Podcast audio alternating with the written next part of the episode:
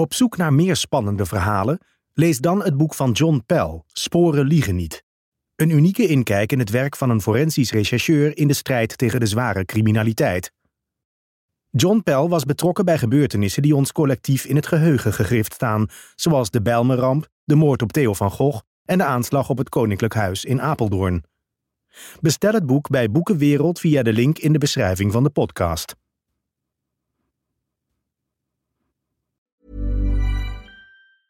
Say hello to a new era of mental health care. Cerebral is here to help you achieve your mental wellness goals with professional therapy and medication management support. 100% online.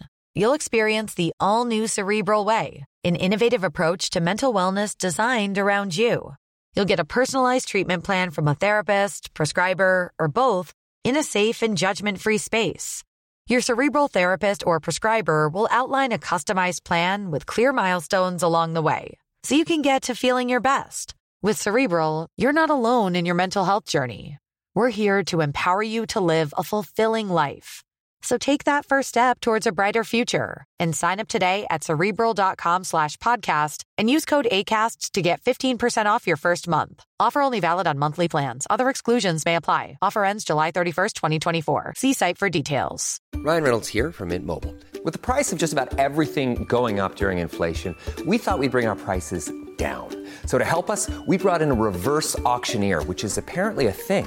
Mint Mobile unlimited premium wireless. Ready to get 30, 30, bit to get 30, bit to get 20, 20, 20, bit to get 20, 20, bit to get 15, 15, 15, 15 just 15 bucks a month. So, Give it a try at mintmobile.com slash switch. $45 upfront for three months plus taxes and fees. Promo rate for new customers for limited time. Unlimited more than 40 gigabytes per month. Slows. Full terms at mintmobile.com.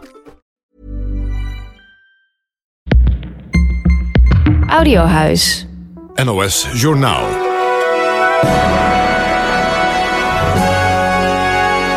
Goedemiddag.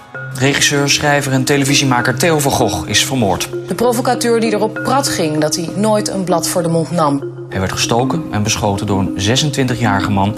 die zowel de Nederlandse als Marokkaanse nationaliteit heeft. Anderhalve dag na de moord op columnist en filmer Theo van Gogh... probeert Nederland te begrijpen wat er is gebeurd en wat dat eigenlijk betekent. Ja, wat mag je erop zeggen, hè? De grens van de intolerantie schuift eh, steeds verder op. De moordenaar, Mohammed Bouyeri, blijkt bij de Hofstadgroep te zitten. Een islamitische terreurgroep. MH17. De polder- en mokromafia. Terroristische aanslagen. De Hells Angels. Je hoort erover in de media. Maar wat gebeurt er achter de schermen? Wij zijn de True Crime Pro's. Marcel van de Ven, oud undercover agent en ik, John Pel, oud forensisch regisseur. We nemen je mee in zaken waar wij bij waren. Elke aflevering geven we je een inkijkje die je niet in de media vindt. We vertellen je hoe wij te werk zijn gegaan, welke lessen we hieruit hebben getrokken en wat dit voor ons als mens heeft betekend. Dit is aflevering 2 van Gogh en de Hofstadgroep. Aflevering 2, vriend. Ja, Hoe, eh, hoe bevalt het tot nu toe? Wat leuk is, is dat wij natuurlijk aan heel veel zaken hebben gewerkt. Waarvan we niet wisten dat we aan die zaak aan het werk waren. hè. Wij deden dat natuurlijk allemaal in heimelijkheid. En dat waren wel al de puzzelstukjes bij elkaar die tot eh, enorme successen hebben geleid. En dan zeg ik niet dat het aan mij persoonlijk lag of aan jou persoonlijk. Maar ik bedoel eh, de afdeling forensische opsporing, het specialisme, ehm, de tactiek. Ja, daarin is de Nederlandse politie best succesvol geweest. Dus ja, en om het daarover te hebben met iemand die natuurlijk een bulk en ervaring en een rugzak heeft. Ja, dat is ontzettend leuk om te doen. Ja, ik, eh, ik weet niet wat jij ervan vindt, maar het is natuurlijk heel eh, grappig dat we zoveel dingen samen gedaan hebben, maar het nooit van elkaar geweten hebben. Nee. Maar dat kwam natuurlijk omdat jij bij de sectie stiekem zat. Ja. Jullie, jullie deden alles stiekem. Ja, de heimelijkheid was, was, was een voordeel, maar het was ook een nadeel.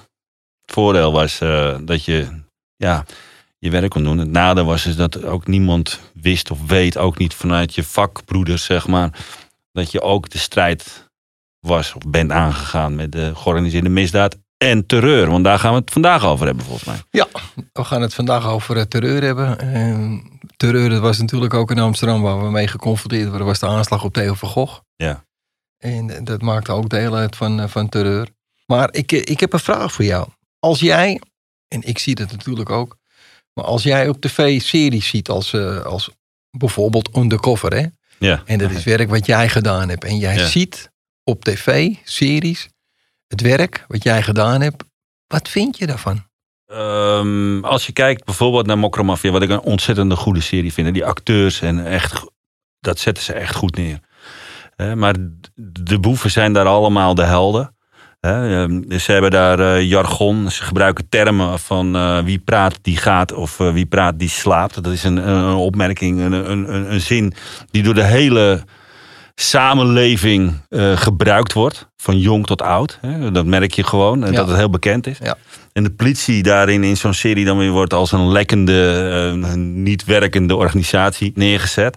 Ja, ik vind dat, ik vind dat echt, echt heel jammer. En als we kijken naar Undercover is dat hetzelfde. Kijk, Frank Lammers die speelt die rol natuurlijk fantastisch. Maar iedereen vindt Frank Lammers hè, de, de held. Hè, die, die verkoopt pillen, ze- duizenden, honderdduizenden pillen. eh, Schiet mensen door hun hoofd. Dat vinden we fantastisch.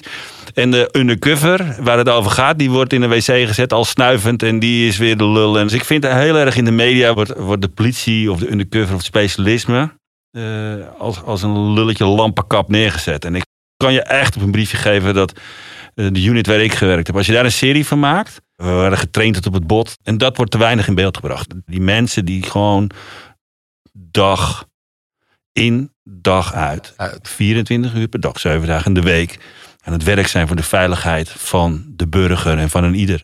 En dat, eh, dat wordt niet echt naar buiten gebracht via dat soort series, vind ik. En dat is jammer, want dat zou wel natuurlijk bijdragen aan de beeldvorming. Nou, dat is natuurlijk ook. Ik, ik, ik zit ook wel series te kijken en dan zie ik de mannen in de witte pakken voorbij lopen. Zie ik voor eentje opsporen. Wat vind jij daar daarvan? Ja, dan schieten de tranen in mijn ogen. Dan krijg ik kromme tenen van. En dat, ja, ik, weet niet of dat ooit zal veranderen of moet veranderen. Het is natuurlijk te gek, want iedereen ziet mannen en vrouwen in witte pakken van een afstand, maar weten begot niet wat er gebeurt. Nee.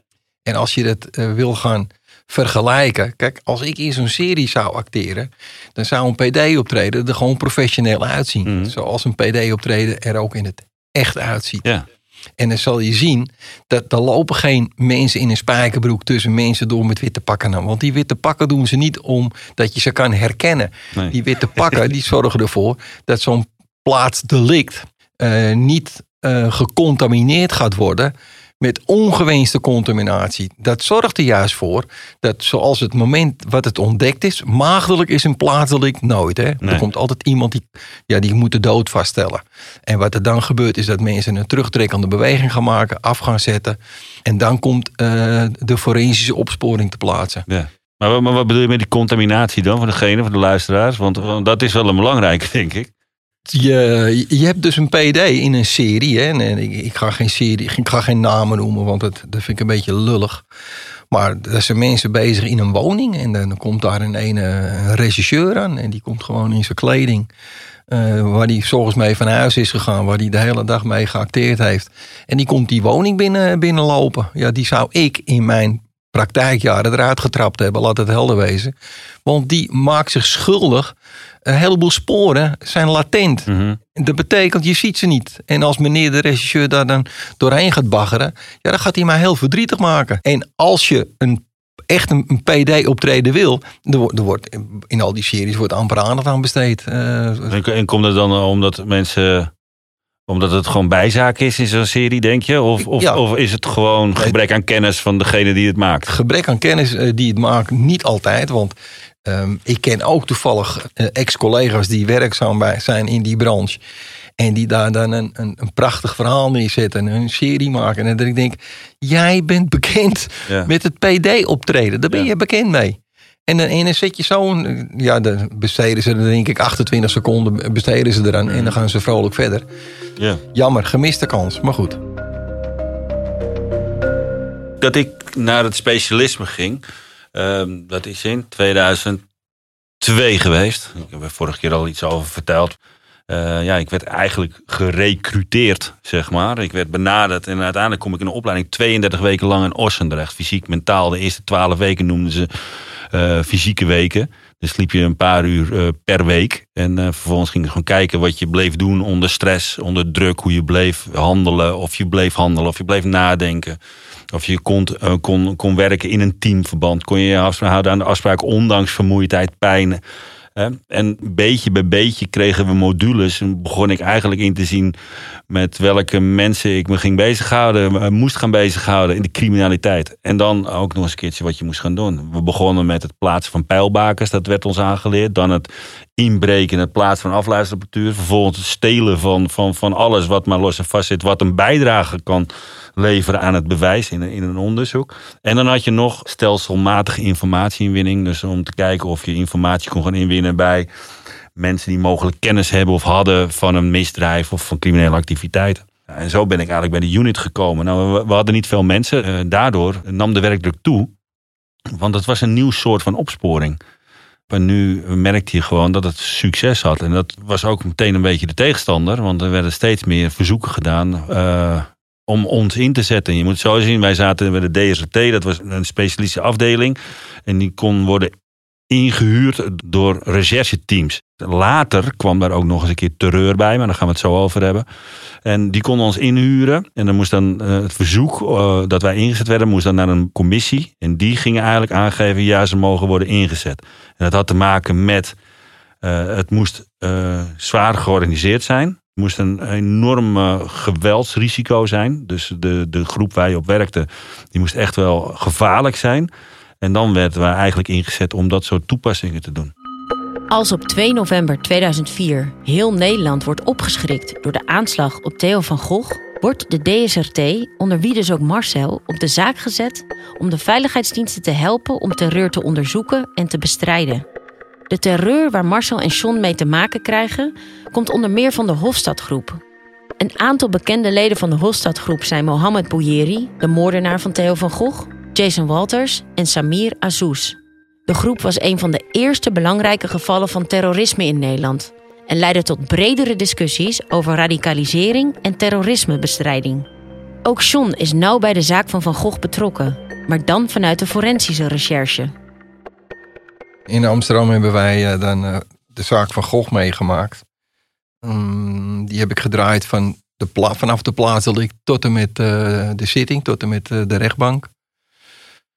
Ja, dat, was voor ons was dat ook wel een dingetje. Want um, wat ik al heel snel door had, of wat wij al heel snel door hadden, dat als er zo'n buitensporig incident was, dat het ook wel weer binnen in de winkel mogelijkheden gaf. Want als jij bepaalde uh, materialen wilde hebben, ja, uh, en normaal gesproken bij de politie moest ik daar een verzoek voor doen en dat werd 24 keer gewogen.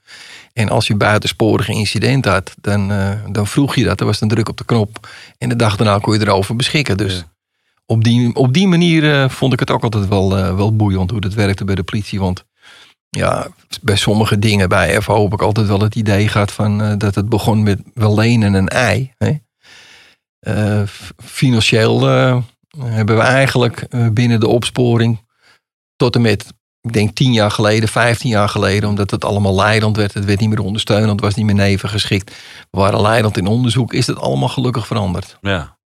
Dat is wel positief. Ik werk bij een afdeling en daar was, daar was echt wel geld. En dat terreur, wat ik een hele, hele ja, angstige ontwikkeling vond trouwens hoor. Want uh, ik geloof 2004 werd er in Madrid een arrestatieteam opgeblazen bij een inzet, bij een appartement. Ook naar aanleiding van terreur, een slapende cel. De slapende cel verwijst naar criminelen of terroristen die zich tijdelijk stilhouden en geen verdachte activiteiten ondernemen. Zo vallen ze niet op en kunnen ze vanuit de luwte weer in actie komen. En eigenlijk langzaam kwam het dan richting Nederland. Ik denk dat het zo rond 2002, 2003, 2004 is geweest. En ons eerste onderzoek was, was in Utrecht, dat ik nog wel. En alles moest wijken. Alle onderzoeken werden stilgelegd en alles was in het kader van terreur. Twaalf uursdiensten op en af. En we hadden een slapende cel in een flatgebouw. En daaronder zat een garage. Ik vergeet dat nooit meer. En dan moesten wij kijken of er in die garage... of daar uh, explosieven aanwezig waren. Of, uh, of andere wapens. En, en de andere bijkomstigheid was in die zaak... was dat er bekend was dat, dat twee leden van die slapende cel... Je had een woning op één hoog. Daaronder zat een garage. Boven in die woning zaten, een slapende cel, zaten vier tot zes personen die vermoedelijk aanslagen aan het voorbereiden waren. Uh, wat, wat het onderzoeksteam wilde was, ze hadden gezien uit observatie dat een man vanuit die woning iedere dag eh, eh, naar een bepaald punt toe liep. Daar had hij ontmoeting met een andere subject uit een onderzoek. En dan liepen ze richting een park. En in het midden tussenin hielden ze dan een fiets. En wat zij wilden, is dat dat onderzoeksteam is dat wij dan die garage gingen, die fiets gingen stelen. Afluisterapparatuur in die fiets gingen plaatsen, zodat ze dat mee konden schakelen op het moment dat ze dan gingen wandelen. En de eerste nacht dat we daar naartoe moesten, we hadden alles hadden we opgebouwd. En uh, uiteindelijk die garage opengekregen. En in die garage zat een per. Weet je, de per. Zo'n, uh, ik ben even de afkorting, maar dat is eigenlijk. Die hebben bij woning heb je zo'n buitenlamp, zeg maar. Dat als je door die, zo'n perretje loopt, dan vloept die, die lamp aan. En eigenlijk op het moment dat het naar binnen werd gegaan en steeds verder in de garage kwamen ze in een peer, hadden ze daar een peer geplaatst. En die was aangesloten op de deurbel boven. Dus op het moment dat die jongens in die garage zaten om die fiets te zoeken, ging boven de deurbel af. En die, en die jongens die renden naar het raam en die stonden voor het raam. Ik lag aan de overkant. Ik moest coachen uh, van die jongens die binnen zaten. En je zag die gasten allemaal voor het raam verschijnen. En wat van hun de fout is geweest, voor ons geluk, is dat ze allemaal tegelijk naar beneden wilden rennen. En dat was het moment dat wij nog net die garage uit konden voordat die jongens daar in die garage. Anders was dat echt een enorme confrontatie en geworden. Want ja, je kon er wel vanuit gaan dat als er een confrontatie uh, ging plaatsvinden, dat dat ook meteen wel grof was. Grof was, ja. ja. Dat was eh, mijn eerste uh, ervaring op het gebied van terreur. En de briefing, nou later is nog het laakkwartier geweest. Marcel noemt hier het laakkwartier. Op 10 november 2004 doet de politie samen met de AIVD een grootschalige inval in het laakkwartier in Den Haag. Hierbij worden Ismaël Akniek en Jason Walters twee leden van de Hofstadgroep gearresteerd wegens het beramen van een aanslag op Tweede Kamerleden Ayaan Hirsi Ali en Geert Wilders. De inval in het laakkwartier speelt een week na de moord op Theo van Gogh. Here's a cool fact. A crocodile can't stick out its tongue. Another cool fact, you can get short-term health insurance for a month or just under a year in some states. United Healthcare short term insurance plans are designed for people who are between jobs, coming off their parents' plan, or turning a side hustle into a full time gig. Underwritten by Golden Rule Insurance Company, they offer flexible, budget friendly coverage with access to a nationwide network of doctors and hospitals. Get more cool facts about United Healthcare short term plans at uh1.com. If you thought the only way to get a more defined jawline with natural looking results was through surgery, think again. Juvederm Volux XC is a non surgical injectable gel filler that improves moderate to severe loss of jawline definition and can help you achieve natural looking results with little downtime. Even better, this improved definition lasts up to one year with optimal treatment. No maintenance required. Improve jawline definition for a smooth, sculpted look with Juvederm Volux XC. For important safety information and to find a licensed specialist, visit juvederm.com. That's J U V E D E R M.com. Not for people with severe allergic reactions, allergies to lidocaine, or the proteins used in Juvederm. Common side effects include injection site redness, swelling, pain, tenderness, firmness, lumps, bumps, bruising, discoloration, or itching. There's a risk of unintentional injection into a blood vessel, which can cause vision abnormalities, blindness, stroke, temporary scabs, or scarring. Talk to a licensed specialist to find out if it's right for you. Leuk dat je luistert naar deze aflevering van True Crime Pros. Wil jij nog meer weten over mijn tijd als forensisch regisseur? Luister dan eens naar mijn boek Sporen liegen niet via Storytel. Op Storytel vind je nog veel meer geweldige True Crime titels terug. Denk aan De Kooi van mijn co-host Marcel van de Ven en het boek Ik beloof je dat ik 100 word van Royce de Vries.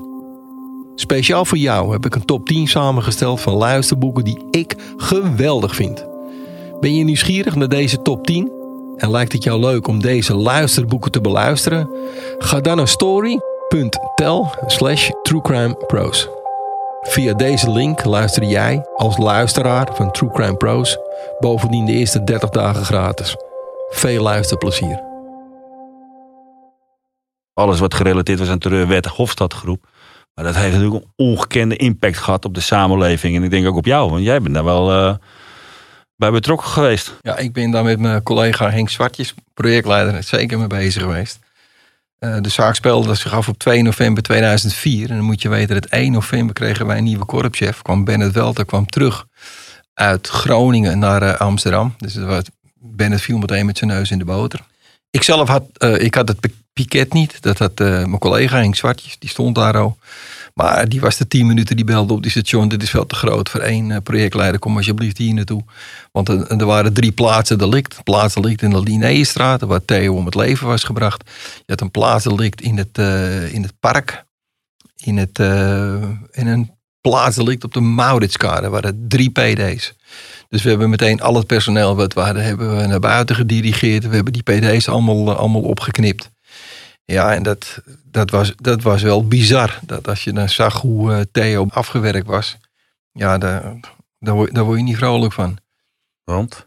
Omdat iemand uh, zijn keel is doorgesneden. Omdat iemand uh, met een fileermes twee brieven bij hem draagt. en als een soort knijper heeft dan dat, dat fileermes dienst gedaan. Daar was, zat hij zijn buik geprikt. Zaten twee brieven zaten erop. En gewoon op klaarlichte dag, hè? Ja bedoel, hoe bedoel je brutaal? Uh, hij fietste dus, Mahmoud Boudjeri fietste achter Theo aan in de Linnéestraat.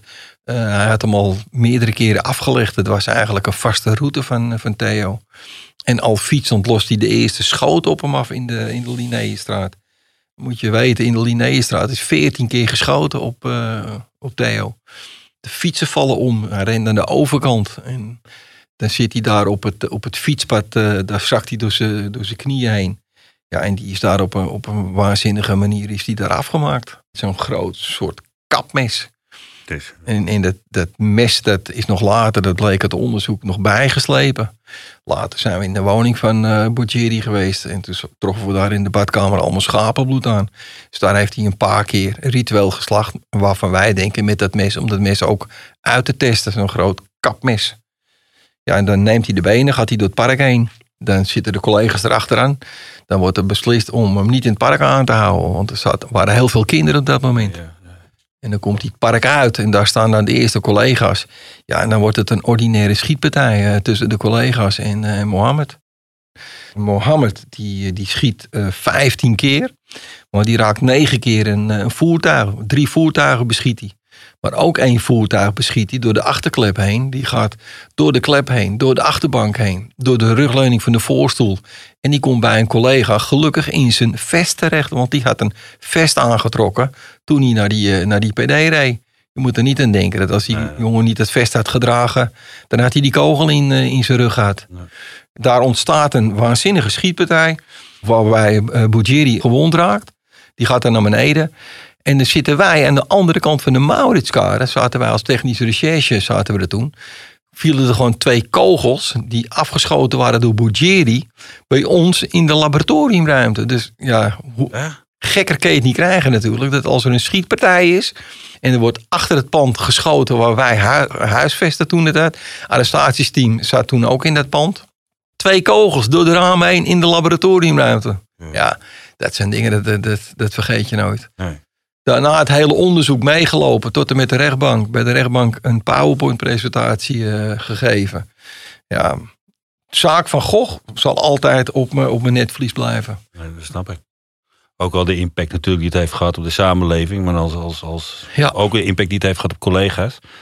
Daar die erbij betrokken zijn geweest. Ja. Wat, wat, wat maakt nou, misschien dat voor de luisteraar, is dat je, dat je zoveel PD's hebt plaatsen delict. Want je, je zou zeggen, ja, Theo ligt daar op. En het is misschien heel je kan, kil wat ik nu vraag, maar die ligt daar op dat fietspad. Ja, je hebt natuurlijk een. Uh, als je de PD's gaat bekijken, dan zou je zeggen: de PD is van het moment van schieten mm -hmm. door het park heen en de Mauderskade eruit komen, is één grote plaatsdelict. Ja. Maar dat kan niet, want je moet het opknippen. Dus dan ga je het opknippen in een ruime en een enge PD. En de enge PD is, dat noemen wij de binnenring dan. Mm -hmm. En een de ruime PD, waarbij het voor het eerst gaat afzetten, waarbij je denkt, hier heeft het zich afgespeeld.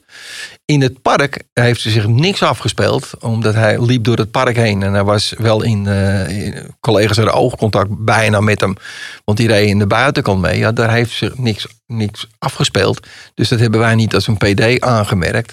Het was wel een PD, maar dat zeg maar dan wel een PD zonder sporen. De hel brak los toen hij in de Mauritskade aan de achterkant het park uitkwam. Linnaeus Park, ja, daar is uh, uh, door de politie 14 keer geschoten in totaal. Hij heeft 15 keer geschoten. Drie voertuigen geraakt. Eén uh, collega heel goed vanaf gekomen omdat hij in, in zijn rug in het vest werd geschoten. En het rare is dan weer, hij is aangehouden door het arrestatieteam. En die zaten in hetzelfde pand als wij.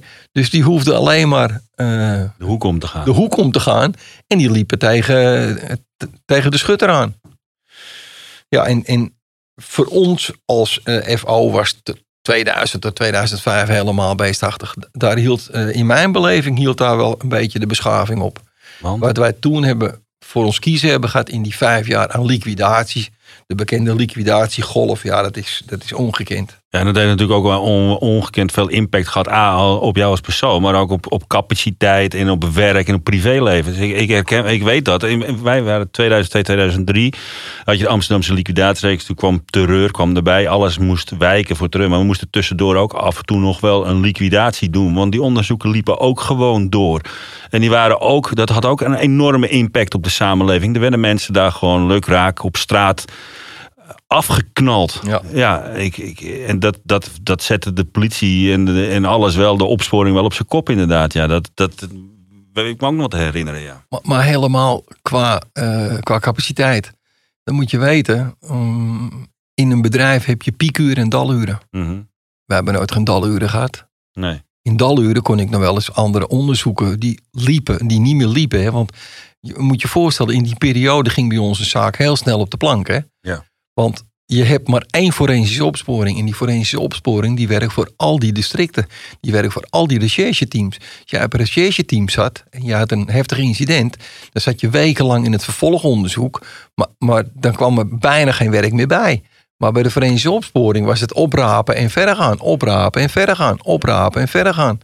Ja. En je, je moest op een gegeven moment voor je medewerkers in de bres springen. Want het kon zo niet langer. Het kon zo niet langer. Ja, dat ging gewoon door. En, en wij, wij werden steeds vaker ingezet om afluisterapparatuur te plaatsen in woningen, in auto's. Uh, niet alleen maar om, om bewijs binnen te halen, maar ook om informatie binnen te halen. En dat was ook in het terreur natuurlijk zo. Want van Gogh, maar uh, er waren meerdere mensen die op het, uh, op het lijstje stonden van de Hofstadgroep of van de mensen die deel uitmaakten. De Hofstadgroep was volgens mij een soort kapstok. Hè, zodra er iemand zich bezig hield met terreur, dan werd hij al snel onder het hoofdstuk Hofstadgroep geplaatst. Ja, daar kwam ook nog heel veel werkdruk vandaan om, om te gaan kijken of je informatie kon binnenhalen om te voorkomen dat er aanslagen gepleegd gingen worden. Wilders, Hirsi Ali, uh, nou, Pim Fortuyn is volgens mij ook nog in die, in die, in die tijd. Nou, dat kregen wij dan voor ons kiezen. En we hadden dan ook nog je dagreguliere werk. En de liquidaties toen de tijd, die waren enorm. Het zijn de liquidaties die eindelijk, en daar komen we later op terug bij het onderzoek Thomas van der Bijl. Eigenlijk kregen we daar voor het eerst een beetje een vingertje achter. Uh, maar dat betekent dus dat je eerst een onderzoek gehad hebt. Mhm. Mm -hmm. Dat onderzoek gaat de kast in. Mm -hmm. Dat onderzoek wordt weer heropend. En ja, Weet je, we hadden toen een winkeltje van ongeveer 72 medewerkers. Als je er 72 hebt, maar je hebt voor 140 heb je werk, ja, dan moet je keuzes gaan maken. Ja. En, en dat, dat heb ik wel altijd uh, heel vervelend gevonden. Want voor mij was iedereen gelijk, maar voor een bedrijf niet. Ik bedoel, uh, we, we, hebben in Amsterdam een, de moord op een kattenvrouwtje gehad. Niemand sprak daarover. Maar als ik maar enigszins uh, wat ruimte had voor een collega die ik even uit de luwte moest zetten, dan, dan liet ik hem toch op, op die zaak werken. Maar daar sprak niemand over, Nee. want het was een, een zielig vrouwtje te Bijlmermeer die elke dag uh, eten voor de katten haalde, die met een bezemsteel op een afschuwelijke manier bewerkt is daar. Oh. We hadden toen de tijd, als je binnen 72 uur geen opsporingsindicaties hebt, dan ging zo'n zaak wat vlotter dan normaal op de plank. En waarom? Ja, capaciteit. Capaciteit. Kijk, wij hadden één keer een opleiding per jaar of om de twee jaar. Gingen er vaak 12 tot 15 de opleiding in. En dan moest je blij zijn dat er een paar overbleven. Maar op het moment dat er dan iemand binnenkwam, een nieuwe, dan kwamen er aan de andere kant uh, weer zeven zaken binnen. Dus uh, dat loste het probleem helemaal niet op natuurlijk.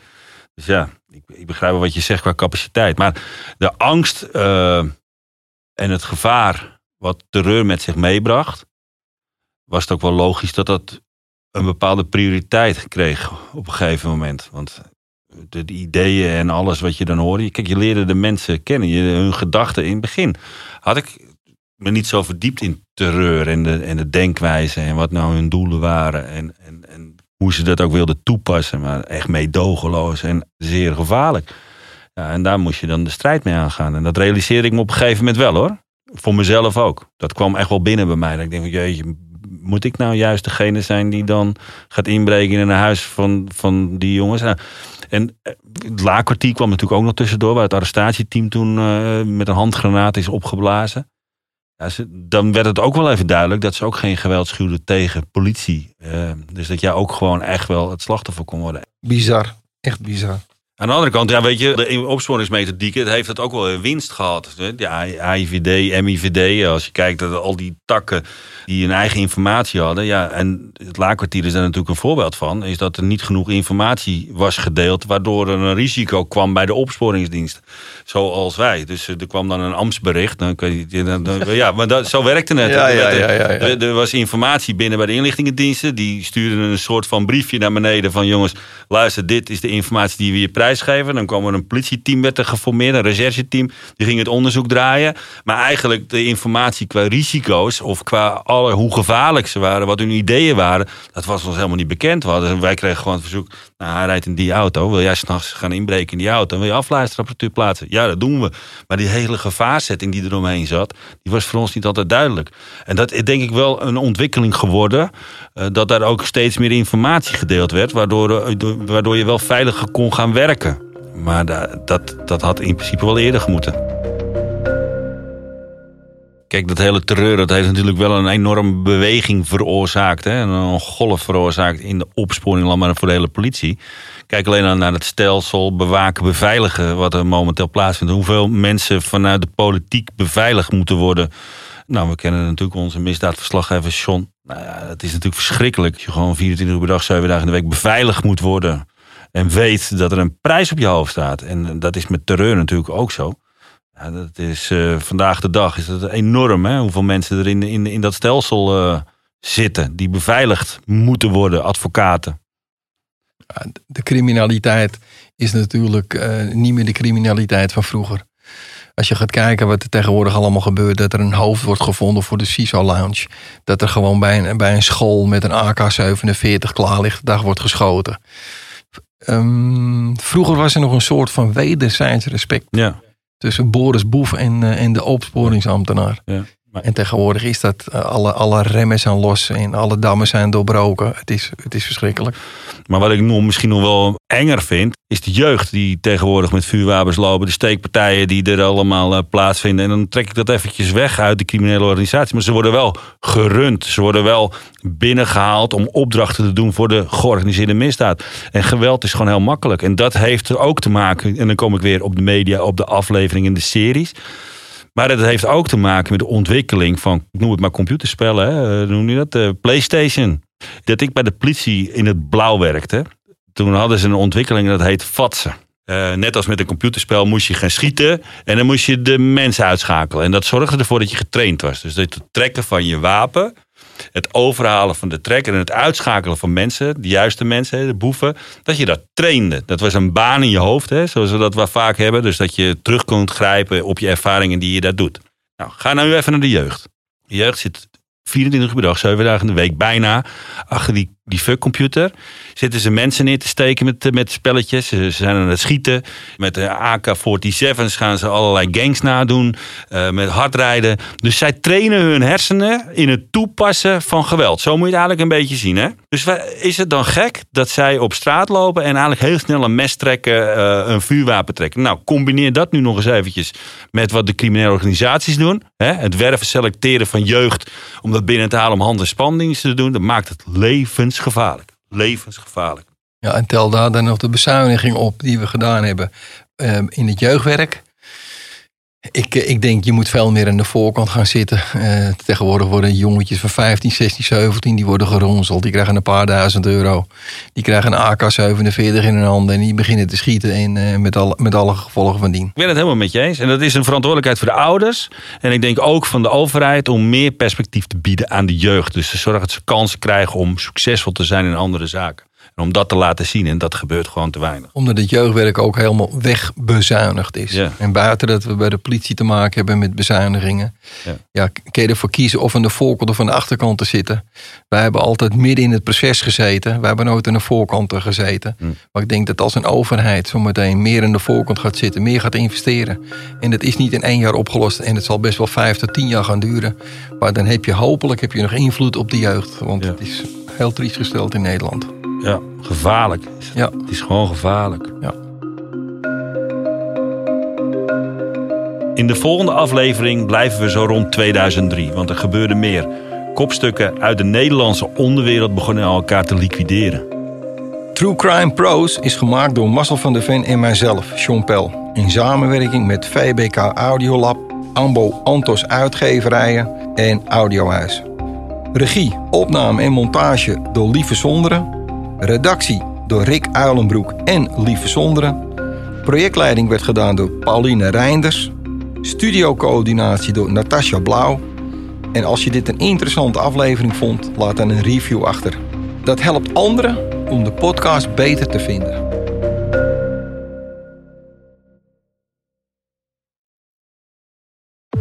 Laat haar profiel nog eens zien. Sophia, 28. Advocaat. Yes! Eh, doe wat nodig is. Het belangrijkste is haar persoonlijke omgeving leren kennen. Hi, jij bent Sophia. Hi. Hi, ik ben Jonathan. Nog nooit kwam je zo dichtbij de Nederlandse spionagewereld. Jonathan, mocht blijken dat deze leider minder onschuldig zijn dan gedacht, dan is de case closed. Omdat het Den Haag is? Politiek is een no-go. Jonathan, een razendsnelle audiothriller over een jonge AIVD'er op een onmogelijke missie. Ik kreeg nog iets binnen via de politieke desk. Een verhaal over Russische inmenging in de politiek. En over macht en ambitie. Ik heb dus de hele tijd het idee dat ik iemand zie. I said no. Go away. Don't be stupid. Don't! Sophia! Sophia! Gebaseerd op de ervaringen van voormalig AIVD'er Inze Martin. Jonathan, Ja? kijk uit hè. Dat je niet vergeet waarom we dit doen. Nu in je favoriete podcast-app.